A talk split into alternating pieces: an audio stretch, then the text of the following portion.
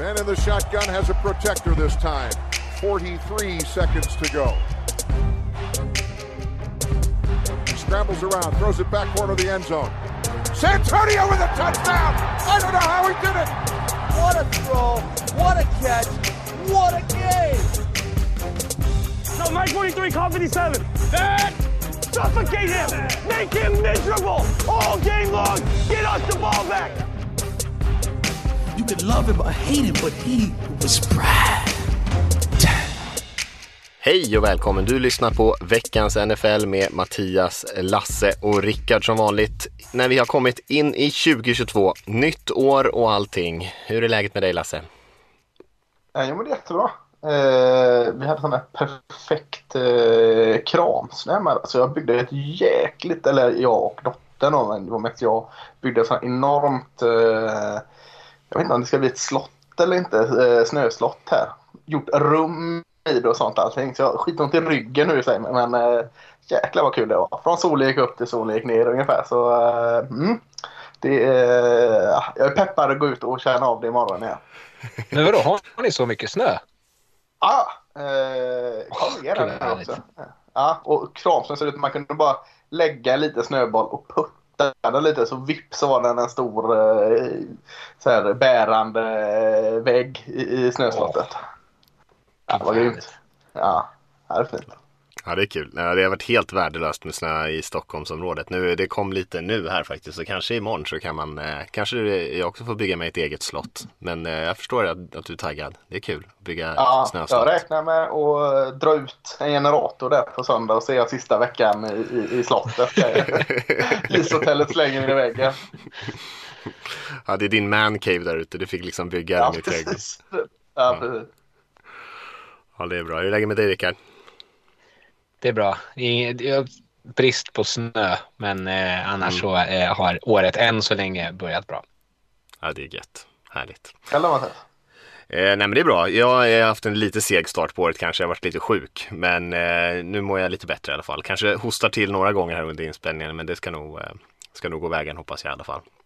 Ni fick lyssna på mig eh, suga på lite halstablett här innan också. Så att eh, alla är uppvärmda.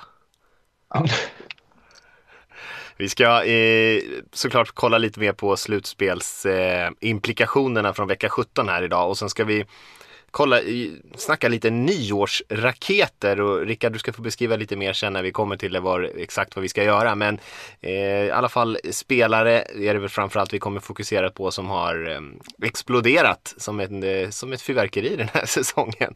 Något åt det hållet i alla fall ska vi titta på och sen ska vi såklart kika på vad som är Eh, viktigt här den sista veckan. Det är fortfarande några slutspelsplatser som inte är spikade. Tre stycken totalt tror jag som är, är, är helt öppna. Sen är det ju många lag som har chans på dem fortfarande. Även fast eh, ja, det finns väl vissa som har bättre chans än andra. Så kan man sammanfatta det.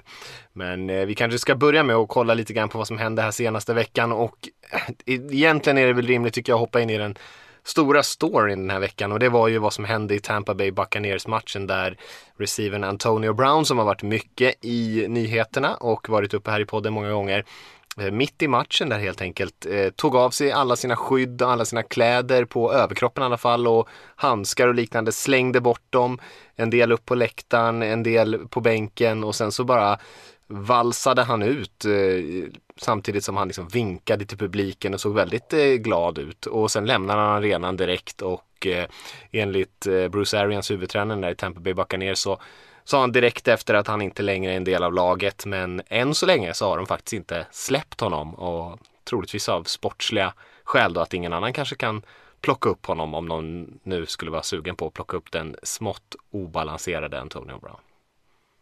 Ja, mycket, mycket snack där kring detta som hände och om allting står rätt till med honom. Vad heter den förkortningen där? Eh, C... Det? T. Just det. Eh, Om det är det som spökar eller, eller vad det är. För det var ju väldigt, väldigt, det är ju inte den första märkliga grejen Antonio Brown har gjort på ganska kort tid här. Eh, snackades väl om att det var att han, de bad han komma in och spela. Han ville inte. Sen kom Anthony Brown med historien att han var skadad och inte ville spela med dem mer eller mindre tvingade i honom. Så att, eh, det lät lite konstigt detta. Eh, men, ja, Eh, det är liksom så svårt att, att slänga honom totalt under bussen om, om det är någon, någon liksom bakomliggande grej som spökar tycker jag.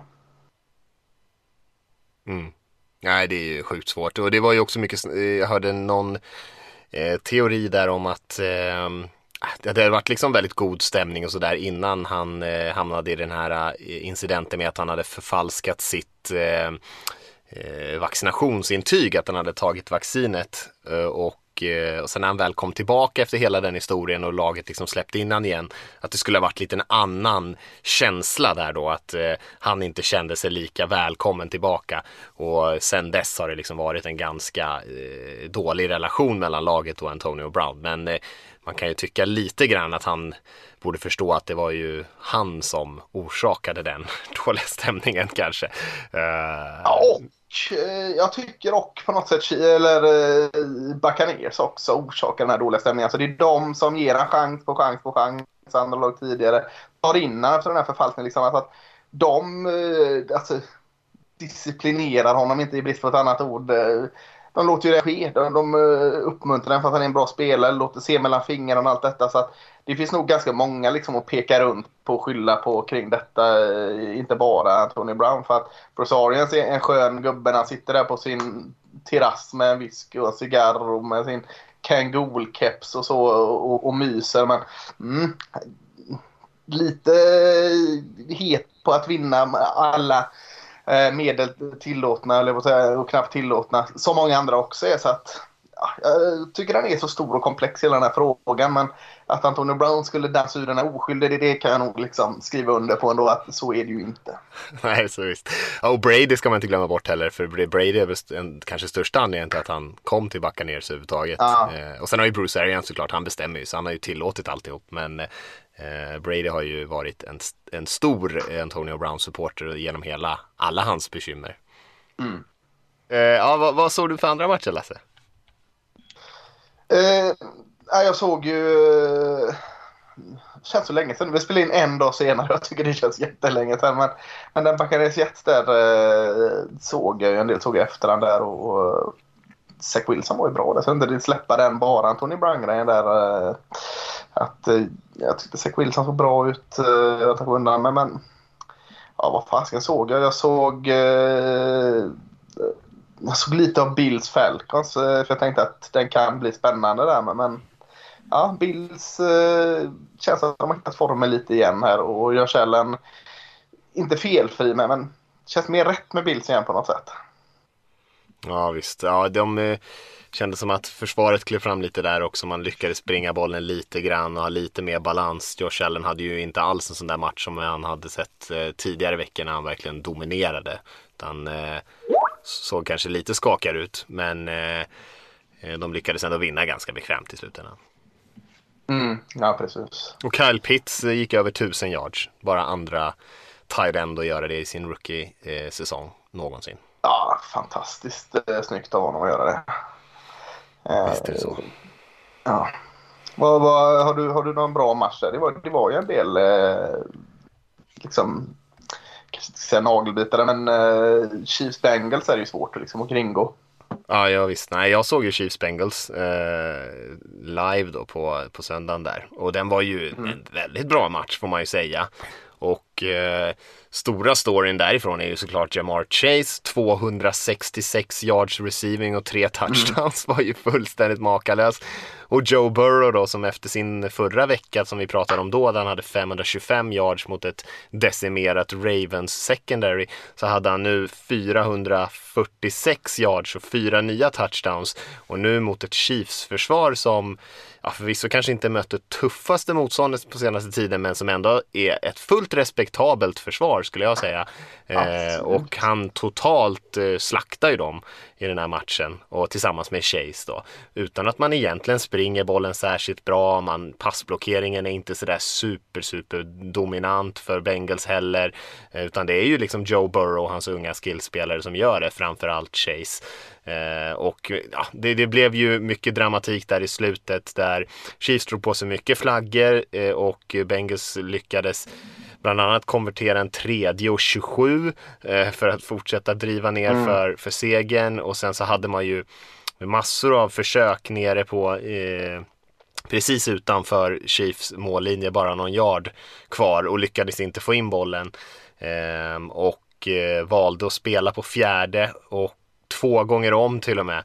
Eh, Ja, och, fick, och fick en flagga till slut på båda de spelen då och sen fick fyra nya försök och då kunde man ju bara knä ut och sparka in ett field goal. Så väldigt, väldigt aggressivt spelat från Bengals i slutet på den där matchen.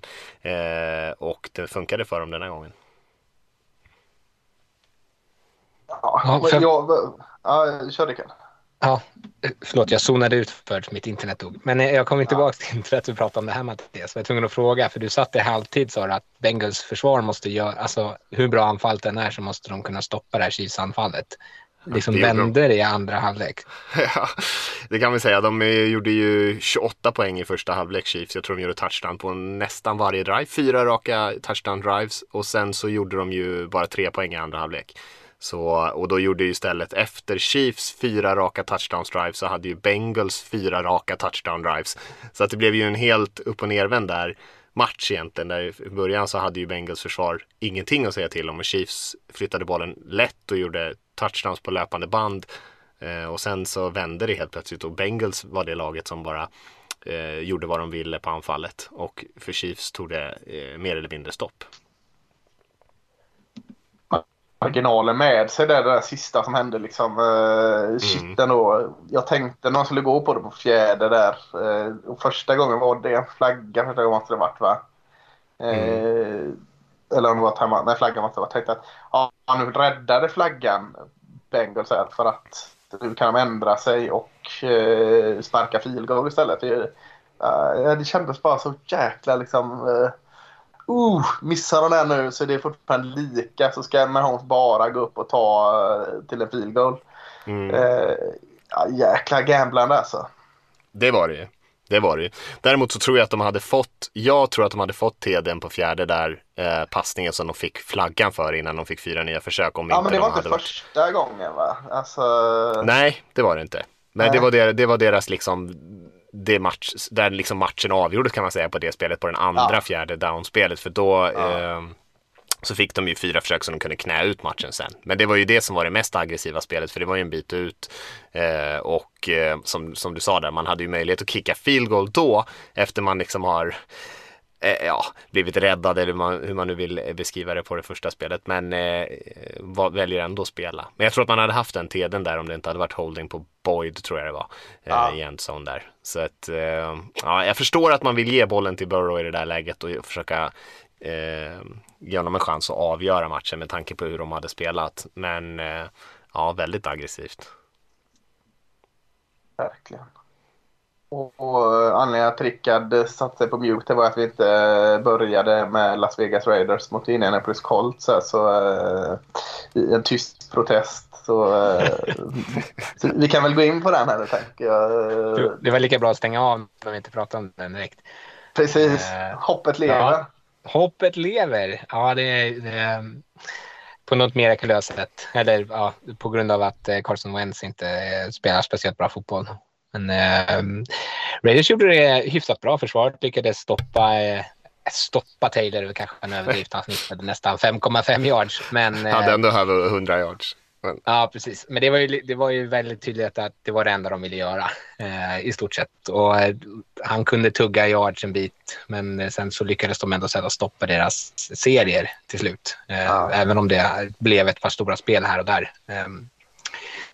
Och framförallt så var det väl att de eh, Colts inte kunde passa bollen ordentligt. Jag vet inte, Wentz spelade ju verkligen dåligt. Han missade en vidöppen. Eh, touchdown är kanske lite välkryddat att säga för den hade varit, behövt vara 60 yards lång. Men han hade en, i alla fall om det var T.Y. Hilton tror jag, som var vidöppen. Liksom, utan en, alltså en närmsta försvarare är 10 yards därifrån och han missar honom.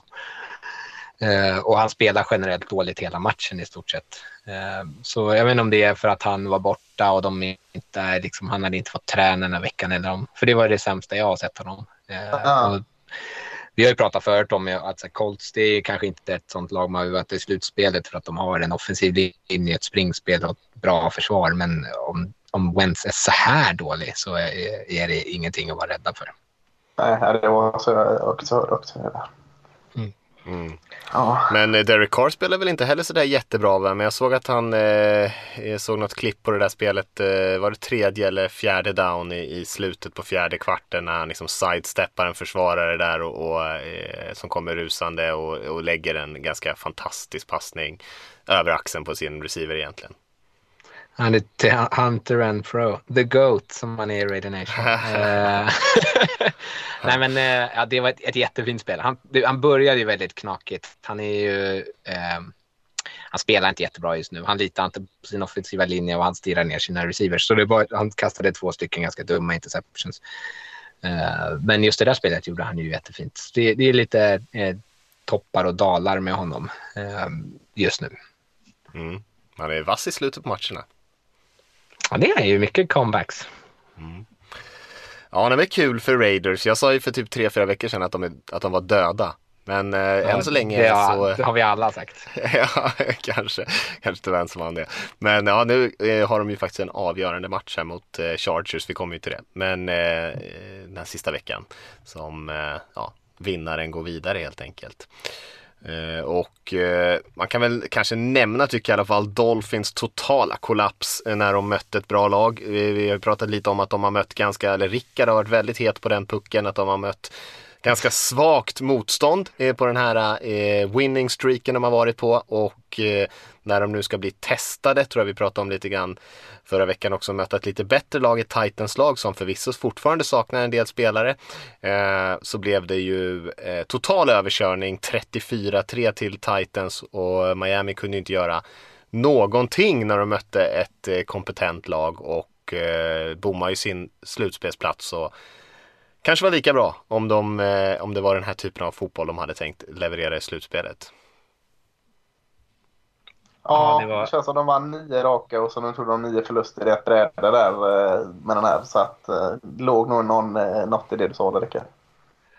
Ja, och Tua hade ju en förskräcklig dag. Hans, den här famben som han har eh, om det någon gång i första halvlek är ju ja, bland det sämsta jag sett i hela mitt liv. Han, han, är inte en, han tappar den bara. bara. Bara tappa bollen. Det går liksom inte ens att beskriva på ett annat sätt. Eh, sjukt konstigt. Och så såg det inte mycket bättre ut under resten av matchen heller.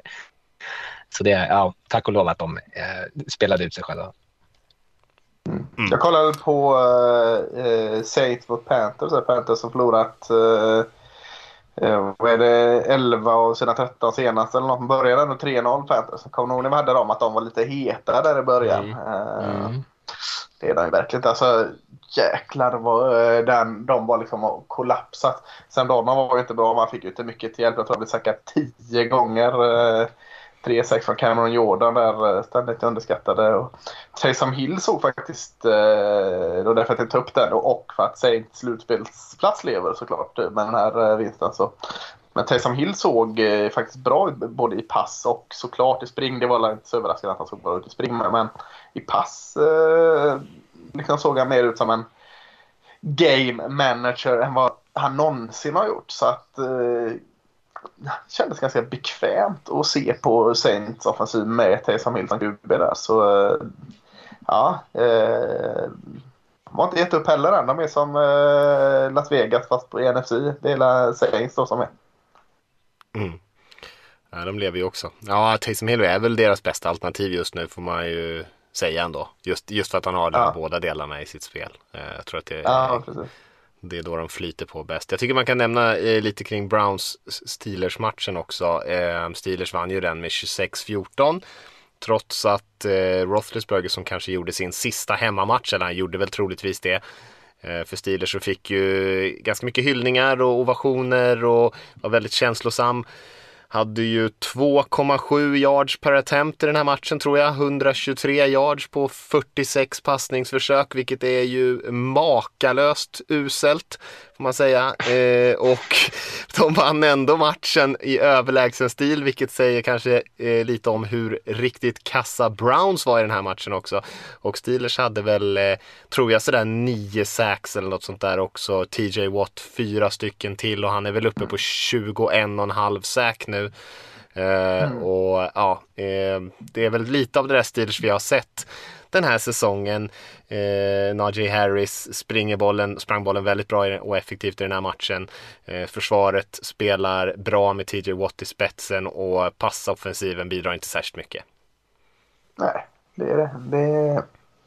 Men ja, det känns alltid så konstigt att Ben Roethlisberger är en given Hall of Fame-QB. Men det känns så konstigt att, att se det så när man ser de här slutet av den här karriären. Eh, liksom de sista åren. Han, inte gjort han skulle ju ha slutat rätt, alltså. förra säsongen troligtvis. Hade det varit eh, snyggast för honom kanske, cleanast. Men eh, ja, ja. han hade ju inte Steelers så jättemånga bra andra alternativ. Eh, så det är kanske inte säkert Nej. att det hade varit så mycket bättre för dem. Men för hans egen skull så hade det ja, varit lika bra att skippa den här säsongen med, med all slitage som det blir också. En parentes med den här matchen som jag vill lägga till varför jag tycker att det är kul och för att jag älskar Mike Tomlin är att han slog nu något, rekordet för flest eh, säsonger över, han liksom slutar över 500, alltså fler vinster än förluster eller lika många eh, på sina första ja, år. Alltså han, från, han, har, han, har, aldrig haft en förlorande säsong än så länge, eh, vilket är helt eh, fantastiskt. Ja, det är det ja, verkligen. Och lägg det till att han har Super Bowl-vinst på, uh, i bagaget också. För jag menar, det är lätt att säga att någon alltid går så här 9-7 eller något sånt i, och aldrig mer eller. Men han har ju också haft topparna men aldrig haft mm. dalarna. Så, ja, det är jäkla imponerande faktiskt. Ja, de två senaste säsongerna så har de ju haft väldigt tydliga svagheter också och kanske inte gått sådär jätte, jättebra, ja. men de är ändå inte så att de kollapsar, eh, vilket är imponerande. Eh, att, att de går så, att de mm. vinner så pass mycket matcher i år är ju ganska förvånande ändå. Men eh, de, det, även deras slutspelschanser är ju rätt små, eh, Steelers. Eller Steelers har kanske inte ens chansen de har... Har de det? Jo, de har chansen. Men de är ja. rätt små. Ja, de är väldigt små. Ja. Kanske därför de får hänga kvar med Bernatset på så länge eftersom några dalar så de kan gå upp och ta en QB i draften. Ja men det är ju det är lite så. De är ju aldrig så långt bort att man känner att man vill bygga om kanske. Eh, trots att man kanske borde Nej. på vissa positioner.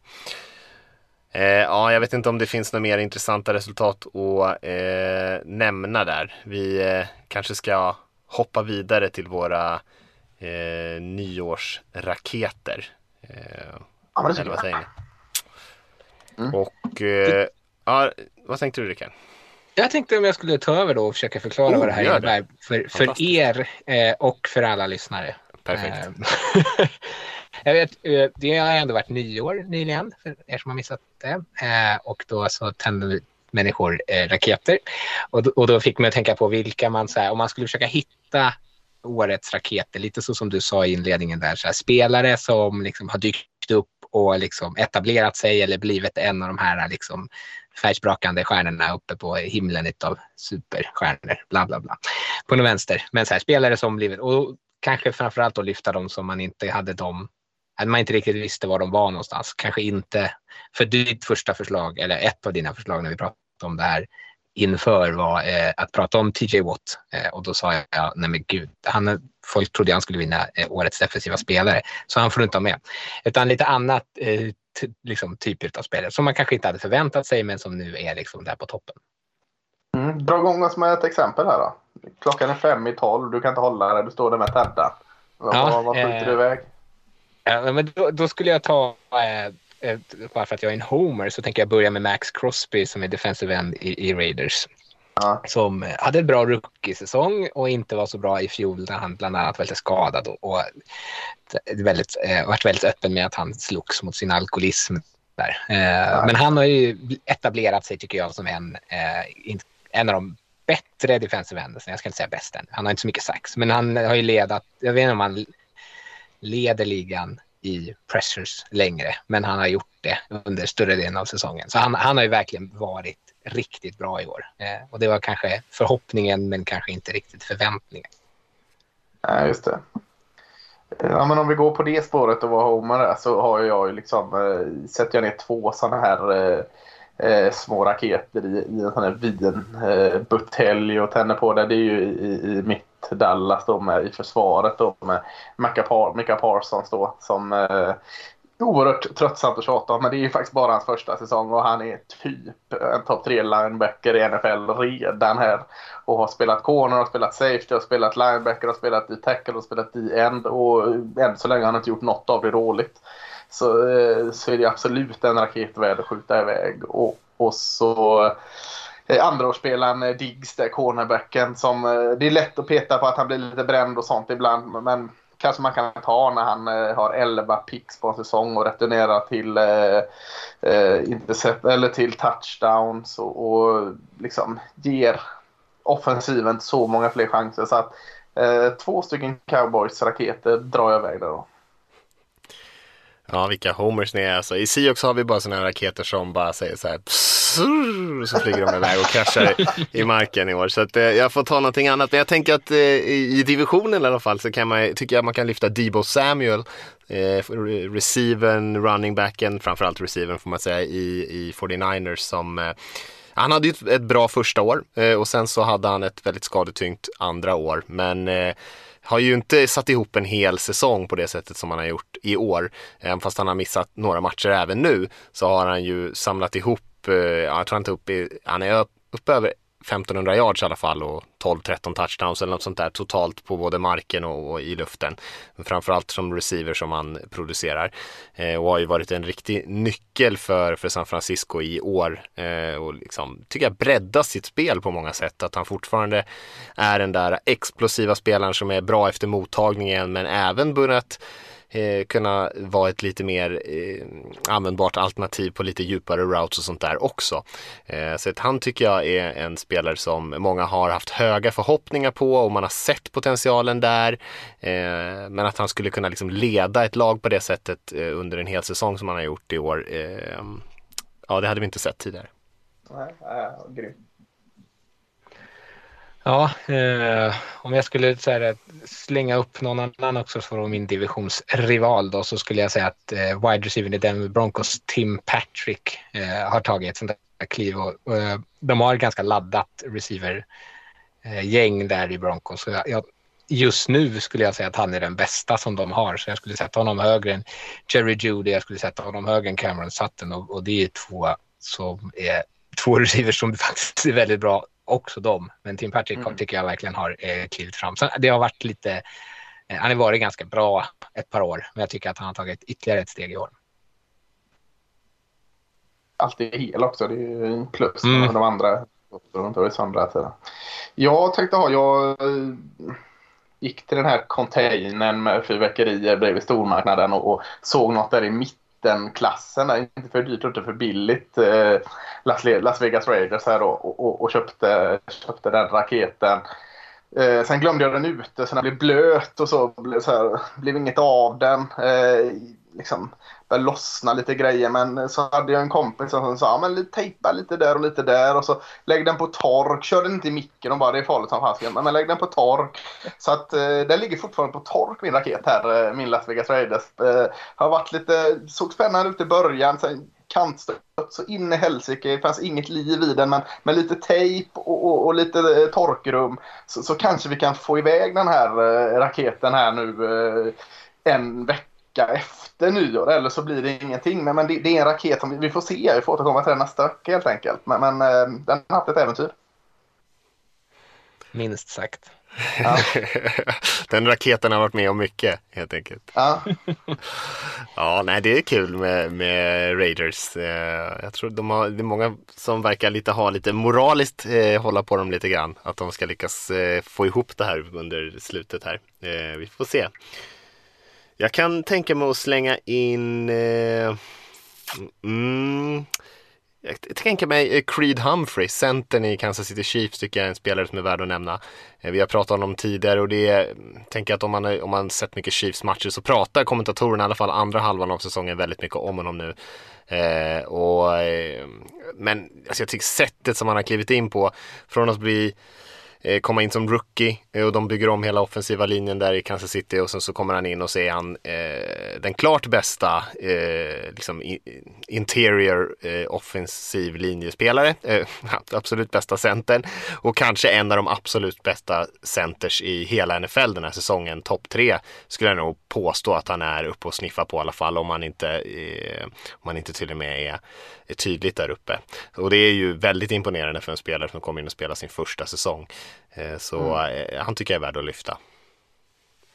Jag mår, jag mår lite dåligt över att jag kallar honom för en T-Rex när vi pratar inför draften för att han har korta armar. Det, det ska man vara när man är center. ja, men han har korta armar ska man inte ha. Att han är, sen att han är en maler, det är väl kanske bra.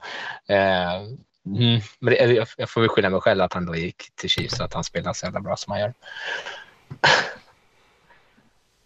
ja, Uh, om jag ska lägga till en till uh, så Burrow och Chase-duon är väl en ganska uh, tacksam raket att prata om också som också har varit fantastiska.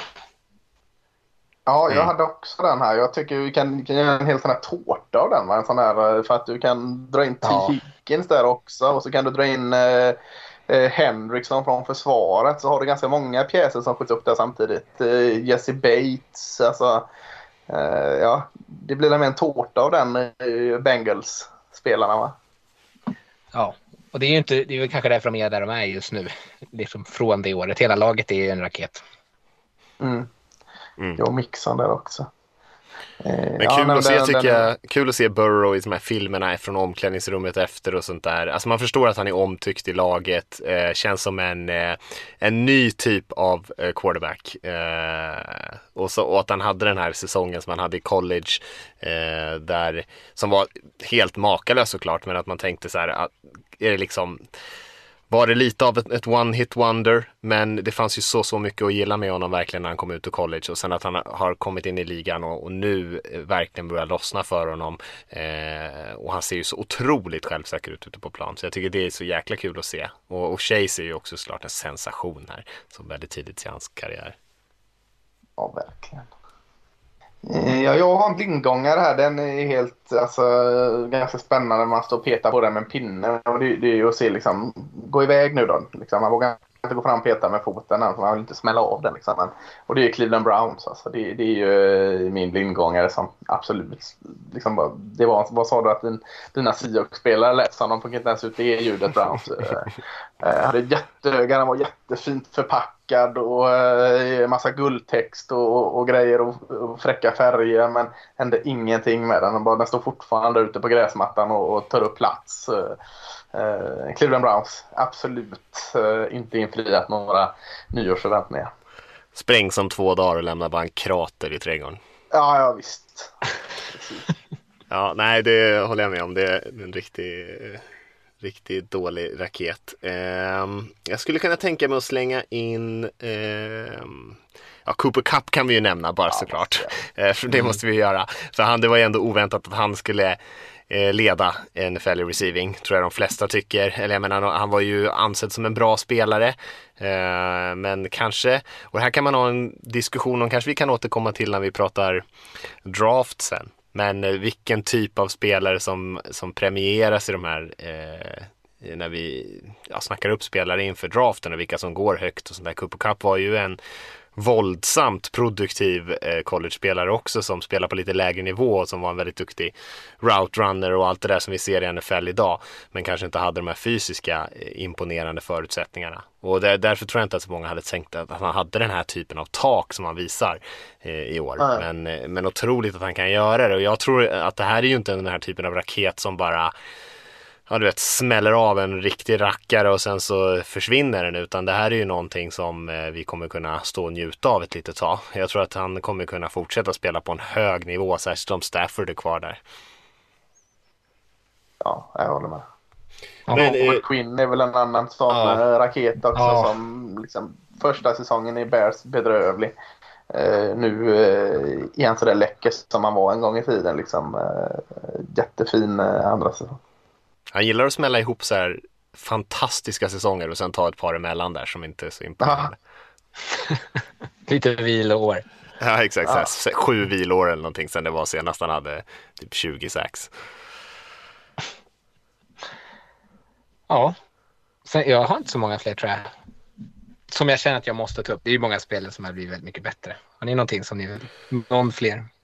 Alltså Jonathan Taylor tycker jag man ska nämna. Vi behöver inte Ja. snacka så mycket om honom, det är ju uppenbart. Men jag tänker att han eh, var ju inte heller ansedd att vara en topp.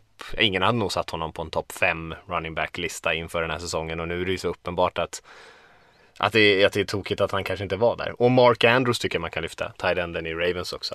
Som Ja. eh, också ansågs vara en bra spelare skulle jag säga, men eh, nu är eh, ja, kanske uppe på nästan så att man diskuterar honom liksom uppe på Kelsey och Kittle-nivån. Ja, jag håller med. Ja, annars hade jag inget mer. Nej, det är, nu är det bara de här trötta små ettöringarna som är kvar liksom. De behöver man inte ta upp. Nej, Nu, nu är det dags att gå in. Ja, Ta med sig, ta med sig glaset och gå in. Nu får det räcka. precis. Eh, ja, nej men eh, vi ska väl kanske ta en liten snabb kik här på, eh, eller snabb kik, vi kan väl ta en, en eh, redig kik på sista veckan här. Men det är ju inte jätte, jättemånga matcher som är relevanta och man kanske ska, ska jag börja på och bara ge en liten snabb dragning för hur det ser ut i slutspels eh, racet. Så Ja, har vi det med oss. Så vet vi vilka matcher som är mest relevanta där i alla fall. Och i AFC som vi pratade om förra veckan så har vi ju fem lag färdiga. Och det är ju Cincinnati Bengals, Kansas City Chiefs, Tennessee Titans, Buffalo Bills och New England Patriots. Och eh, då har vi alltså två platser kvar där och eh, många anser väl att, skulle jag säga, ehm, att att Colts har en väldigt god chans skulle jag säga. Eh, för de möter ju Jacksonville och går ju vidare om de eh, vinner den och tar. Och den har väl jag mer eller mindre räknat in. Eh, och då har ju de den sjätte platsen och sen är det ju den här matchen mellan Chargers och Raven, äh, Raiders då. Som, eh, som blir väldigt avgörande. Och skulle Colts torska så finns det ju massor av lag som har eh, en möjlighet. Men eh, Eh, och jag vet inte om Det vi ska räkna inte. upp. Nej, jag tror inte de gör det i en sån viktig match. Men där har vi ju bland annat, vi har ju Steelers, vi har ju Eh, vad har vi mer? Ja, både Chargers och Ravens. Raiders kan gå vidare om de kryssar den matchen. Ja, Ravens. Eh, ja, det är väl bara Steelers och Ravens i och för sig. Det kanske inte är så många fler som kommer in på Har den. inte Dolphins någon form av chans? Kanske de inte har. Nej, Nej, Nej det är nog de bara är- de tror jag. De är borta. Och i NFC då, om vi ska ta den, där är vi sex stycken färdiga. Så det är ju bara en plats kvar. Och det är Green Bay Packers är klara. Dallas Cowboys, Tampa Bay Buccaneers, Arizona Cardinals, Los Angeles Rams och Philadelphia Eagles. Sen spelar man ju såklart om sidning och sånt där. Eh, och i de, eh, de, bland de lagen som jagar där så är det ju Saints och 49ers i första hand. Och ehm, eh, 49ers har ju alltid sina... Vad sa du? Ja, det är bara de va? Enbart vill jag lägga till. Enbart. Ja. Ja, det är bra att du sa det. 49ers eh, har ju det i sina egna händer. Om de vinner mot Rams så går de vidare. Eh, om de torskar och Saints vinner så går mot Falcons så går Saints vidare. Så att det hänger väldigt mycket på 49ers Rams-matchen där vad som kommer hända. Mm. Eh, det var det. Utan att kanske stöka till det för mycket. Det blir lite stökigt när man börjar prata om de här olika slutspelsscenarierna som ni kanske märkte där. Vi har ju två stycken lördagsmatcher också den här veckan. Och då har vi Chiefs som möter Broncos och så har vi Cowboys som möter Eagles.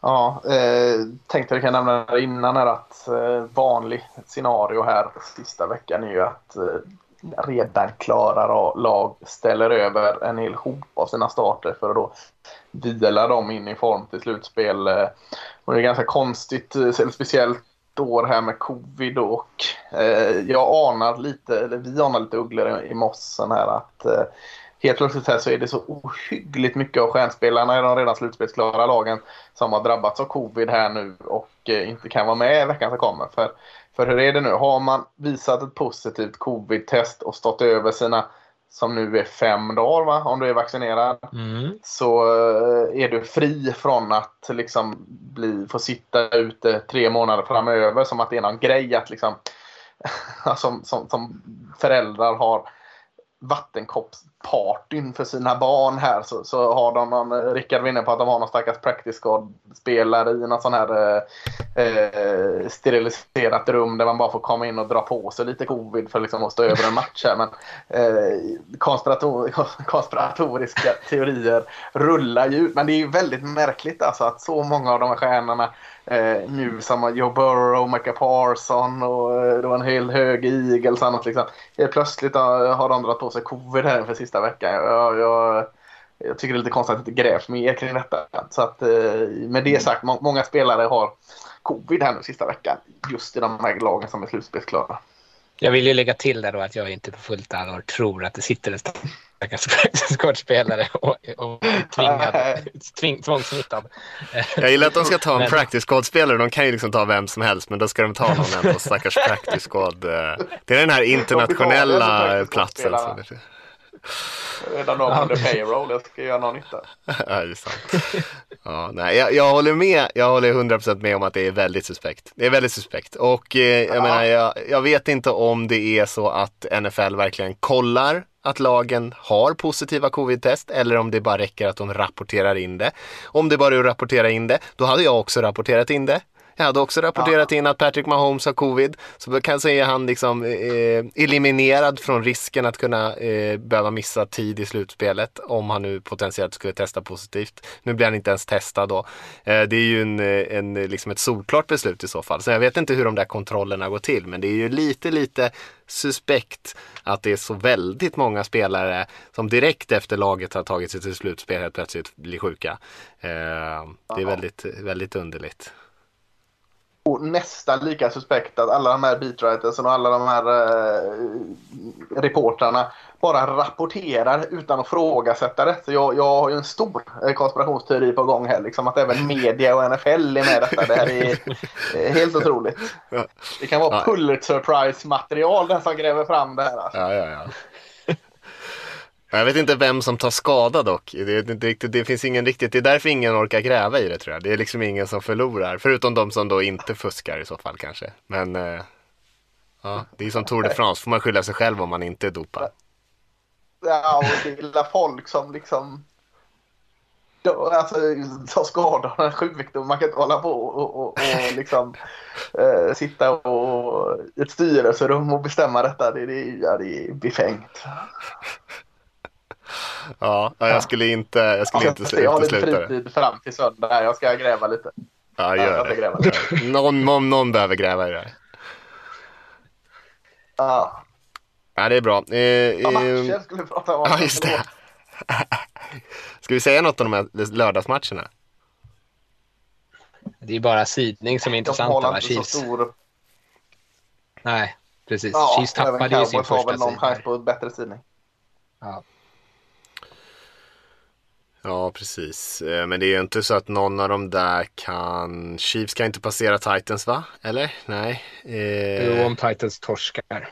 Just det, och de möter Texans eller något sånt där? Ja, precis. Eh, så det är inte så troligt kanske. Och Cowboys kan ju inte rå på första sidan och Eagles kan ju inte rå på Cowboys i divisionen. Så det är inte super, super mycket som kan hända. Det är kanske någon hemmaplansfördel senare i slutspelet och sånt där. Um, men det känns inte jätte... Känns inte jättehet. Jag tror det är så. Jag tror det är så att om Cowboys vinner och Rams förlorar då mot 49ers som är fullt möjligt att de gör det eftersom den är så viktig den matchen för 49ers. Ja. Så går de förbi Rams. Och, tar andra och hamnar på andra sidan en Green, ja. en Green Bay liksom. Eh, Cowboys kan ju aldrig slå Green Bay. Det är liksom deras eh, kryptonit liksom. Så att eh, det skulle vara det då. Ja, nej, det Då ska väl Tampa Bay torska mot Carolina också va? Tror jag. Om de ska ta andra sidan. Nej, då hamnar ju vi och Tampa Bay på den sidan och Rams och Packers samma på den sidan. Ja, men vänta, har inte ni samma record och ni borde ju ni torska tiebreaker eftersom att ni torskar mot Bucks. Nej, men vi har, ligger före dem tiebreaken av någon konstig anledning. Men även om vi hamnar bakom Tampa Bay så, så kan vi de fortfarande vara tvåa och vi trea. Då hamnar ju vi på Tampa Bay-sidan och eh, Rams hamnar på Packers-sidan. sidan av trädet pratar vi alltså om nu. Ja. Ja, jag ska inte ifrågasätta, det blir så rörigt där oavsett. Ja, det var en riktigt rörig start på den här genomgången får man säga. Ja. Eh, Men, men ja, de matcherna spelar ingen roll. Det, de spelar inte stor roll faktiskt. Det, är inte så många matcher som spelar jättestor roll. Ska vi ta dem först så kan vi kolla på de andra matchererna sen kanske. Och det är ju Colts eh, som spelar eh, mot Jaguars i Jacksonville. Är ju såklart jätteviktig för AFC-slutspelet. Eh, och om Colts vinner, vilket de absolut bör göra där, så, ehm, så är det inte så mycket mer dramatik att snacka om i AFC förutom ja, Raiders Chargers matchen då. Men eh, vad tror ni om den? Har Jacksonville någon chans att ja, stoppa Indianapolis här? Om Carson Wentz spelar så dåligt som du eh, säger att han gjorde här sist, Rickard, så har de väl en chans. Så, såklart. Eh, Jaguars. Eh, de har fått bort det Urban Meyer-spöket, verkar inte ha hjälpt det jättemycket, men, men, men eh, de är ju redan i spillror. Men, men eh, chans har de väl alltid. Ja, ja, men de är 15,5 poängs eh, underdogs, Jaguars. Eh, Ja. så jag, jag har svårt att tro att de ska kunna göra så mycket väsen. Eh, nej, alltså Colts, som sagt, de sprang ju bra mot Raiders. Så skulle de bara eh, på något sätt springa oftare så tror jag att de kommer vinna mot det här Jaguars-laget. Alltså bara fortsätta ta, bort det ännu mer. De, alltså Wentz fick ju inte jättemycket att göra, men ta, ta bort honom ännu mer i sånt fall. Bara spring, spring, spring, spring. spring. Eh, Ja. Så tror jag de vinner den här rätt bekvämt. Om de inte passar en enda passning, de tar den här Patriots-modellen, så tror jag att de kan vinna. Ja, ja det är klart de är jättebra. Ja, nej visst, nej, jag håller med. Det- Colts känns ju också som ett lag som eh, ganska bra på att vinna mot den här typen av kassamotståndare. Eh, och borde inte sjabbla bort det där. Jacksonville eh, har ju inte sett så där jätte, jättebra ut på senaste tiden. Eh, senaste årtiondet. Menade jag då. Eh, och ska vi hoppa vidare då till, eh, vad är det mer intressant här i AFC? Ja, men då, jag, Eh, AFC, när spelas matchen mellan, ja den är Monday Night Football mellan Chargers och Raiders. Vi kan ta den så tar vi AFC-matcherna först här så blir det lite mindre stökigt kanske. Den känns ju spännande. Det är ju två lag som eh, har varit väldigt upp och ner den här säsongen. Lasse pratade om, om eh, sin Las Vegas Raiders-raket där. Eh, men man kan säga samma sak om Chargers egentligen som har varit Ibland så ser det ut som ett riktigt topplag, ibland som ut som ett eh, allt annat än det. Och försvaret eh, har ju verkligen varit upp och ner och ibland riktigt dåliga och ibland riktigt bra. Eh, majoriteten av säsongen kanske inte sådär jättebra. Eh, så att det känns ändå som att Raiders har en chans mot det här Chargers-laget. Jag håller ändå Chargers lite grann som favoriter. Jag tycker att de har Ja, de har väl sett över hela säsongen, i alla fall sen Raiders tappade en del av sina viktiga spelare eh, och sin coach sett lite stabilare ut. Men eh, vilken eh, avslutning det har varit för Raiders ändå hittills den här, på sluttampen. Mm, verkligen. Hur gick det förra matchen ni möttes, uh, Rickard? Eh, Chargers vann den. Eh, de tog väl ledningen, det kommer jag inte exakt ihåg, men de ledde väl med typ 21 eller 28-0 i alltid. Eh, så den sprang ju iväg eh, direkt och sen så klöste sig Raiders på något sätt in i matchen igen. Eh, men eh, torskade nog.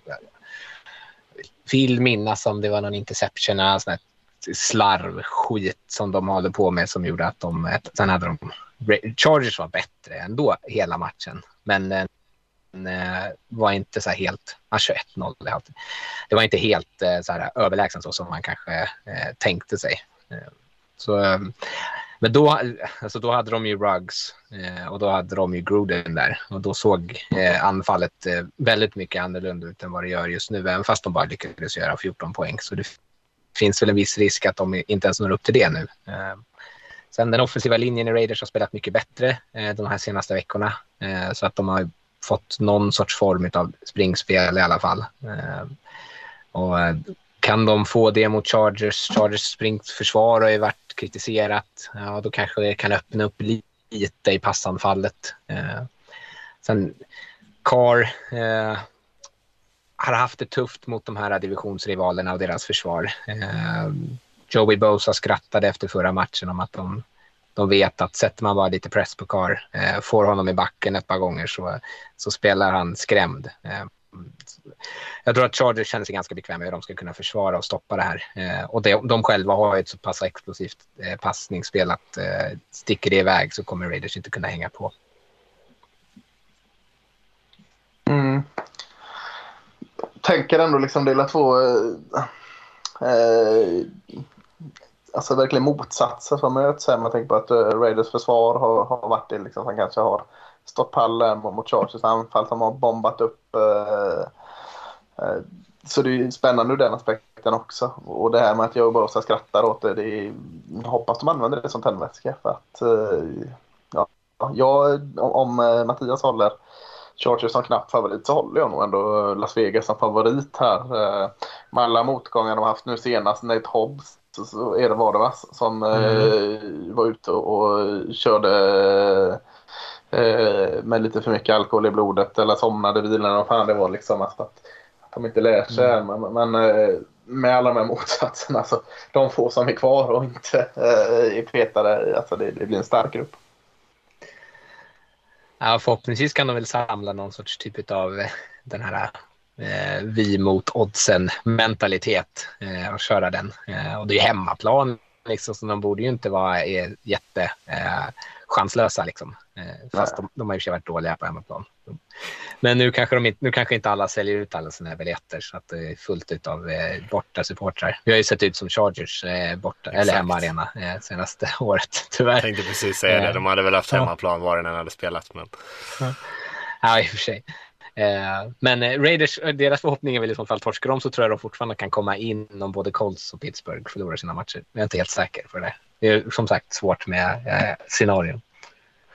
Just det. Ja, nej, jag tror, jag tror att det kommer bli en jämn match. Jag tycker den känns rolig. Eh, Chargers är ju inte Ja, de är absolut inte så bra som eh, många kanske ville att de, eller trodde att de skulle kunna vara. Så bra har de absolut inte spelat i år. Så det är inte någon omöjlig motståndare för Raiders. Så som sagt, jag tycker att Carr har spelat bra. Majoriteten av gånger jag har sett honom i år. Men han har ju haft lite svagare insatser också på senaste tiden. Men jag, här, i slutet på matcherna, om det är jämnt, där är han vass alltså. Han är, är, då spelar han ut lite grann, vågar vara lite mer aggressiv och, och då har han mycket i sig.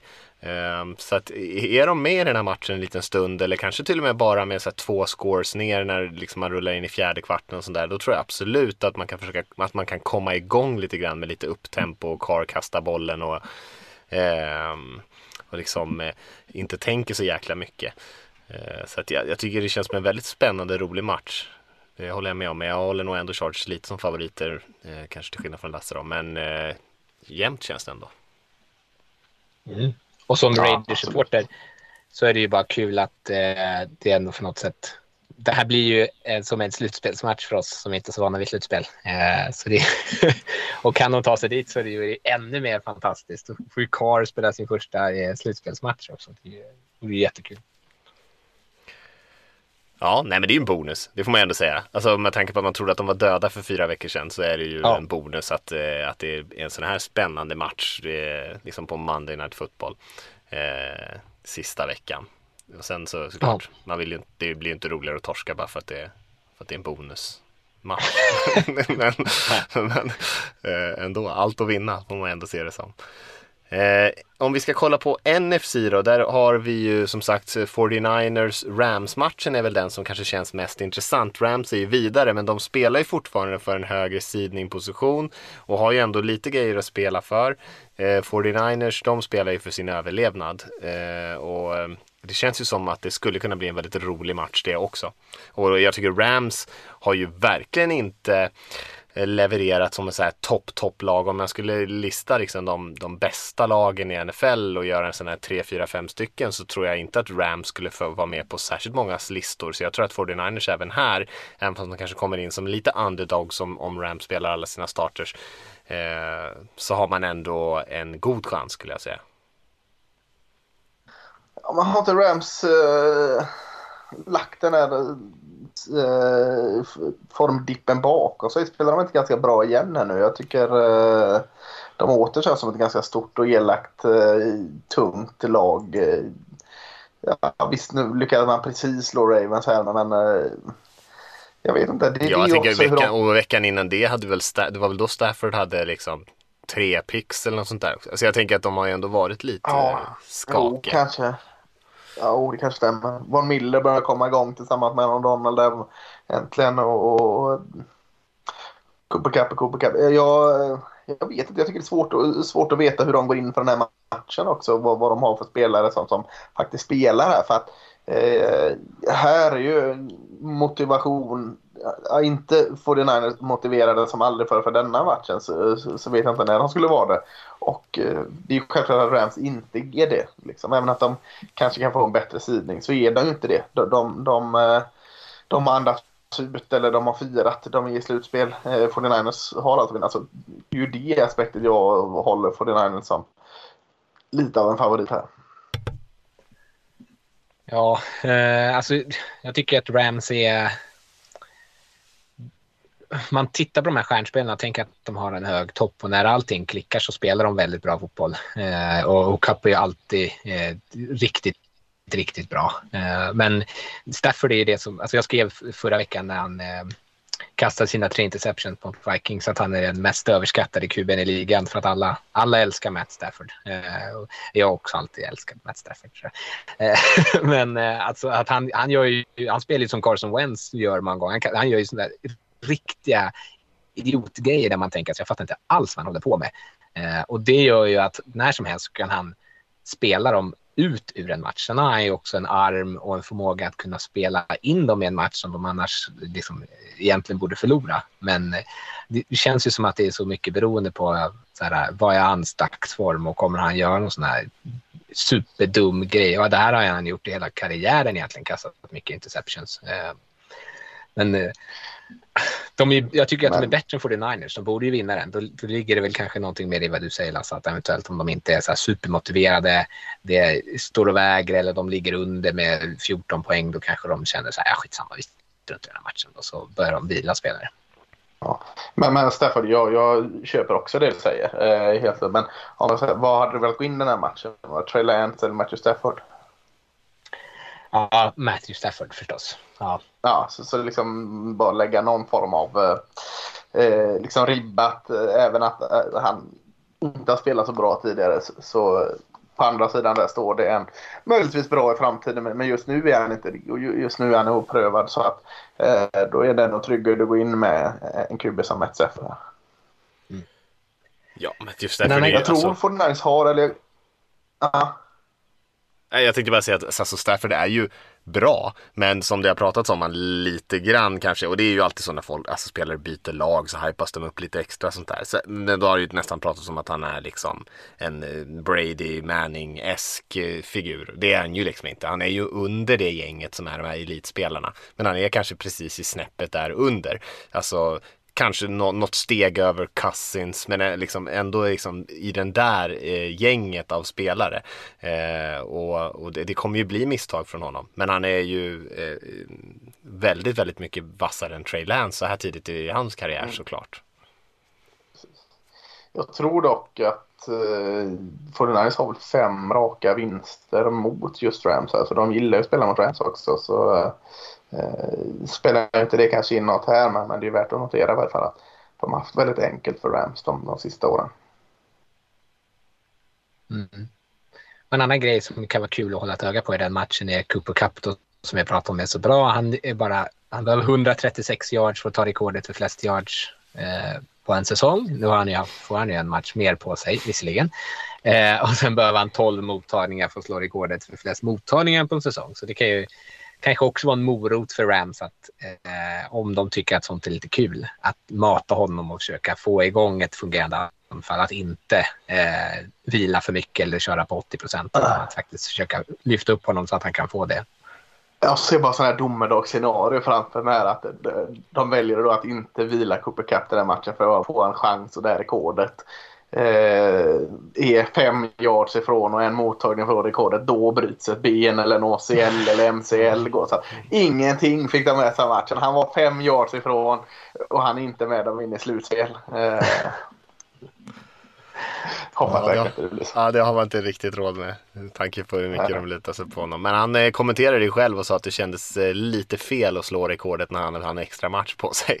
Eh, och det har han ju ändå en poäng i. Eh, det hade ju varit snyggare att slå det på eh, 16 matcher än att slå det precis på håret på 17 matcher. Då har man ju faktiskt kanske inte slagit det egentligen. Det är ju liksom, eh, det är ju klart det är en väldigt, väldigt fördel att ha en extra en extra match. Eh, Men Ja. han har ju ändå gjort en fantastisk säsong såklart. Men jag förstår vad han menar när han säger så.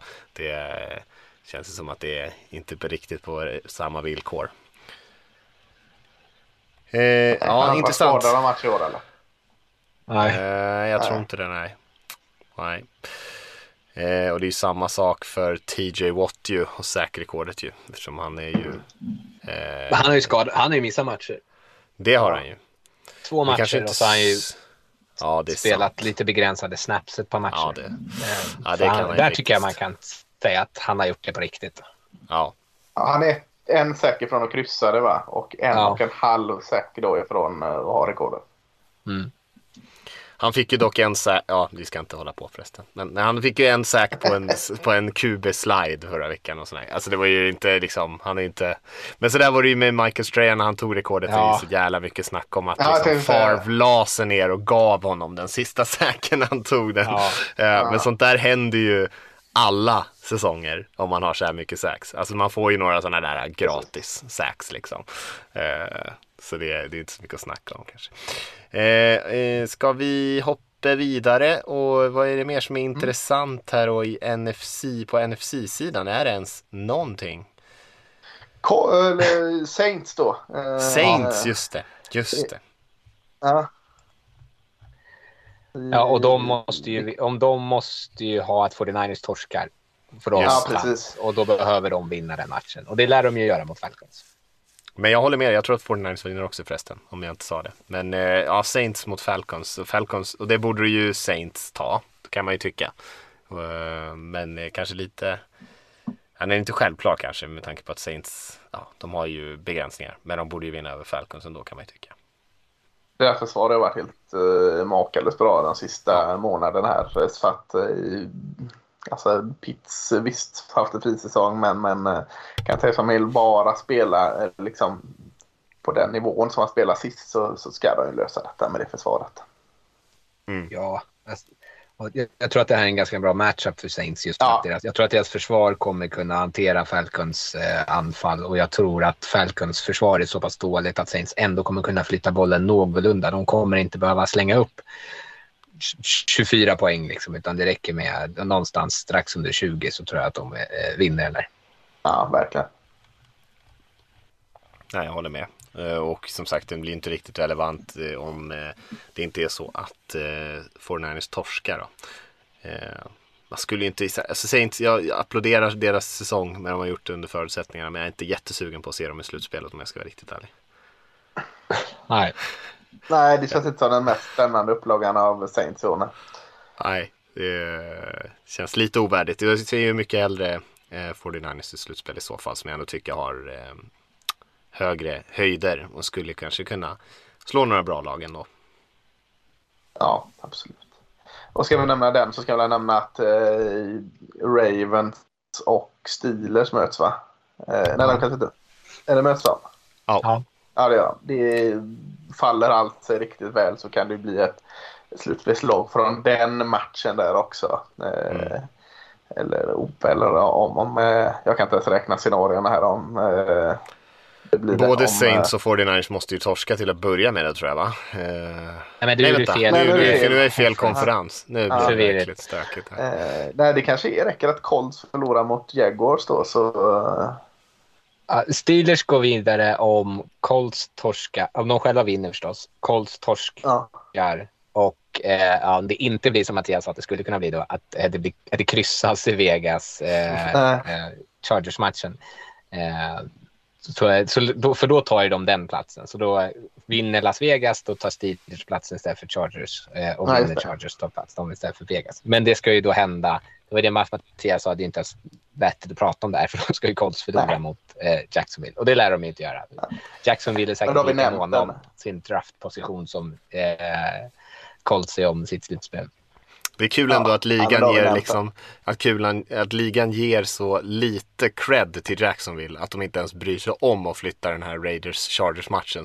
För att om Ja. nu Colts skulle torska mot eh, Jacksonville så skulle ju Raiders och Chargers i stort sett bara kunna knä ut Knä hela ut. matchen och båda går vidare till slutspel. Eh, och det skulle ju vara en total katastrof. Men eh, så man kanske inte tänka så här, man, man vill inte riktigt riskera det. Men det är ju lite svårt med tidszonerna, det är inte bara att flytta matcher, det blir liksom väldigt underligt för de lagen kanske då eh, tidsmässigt.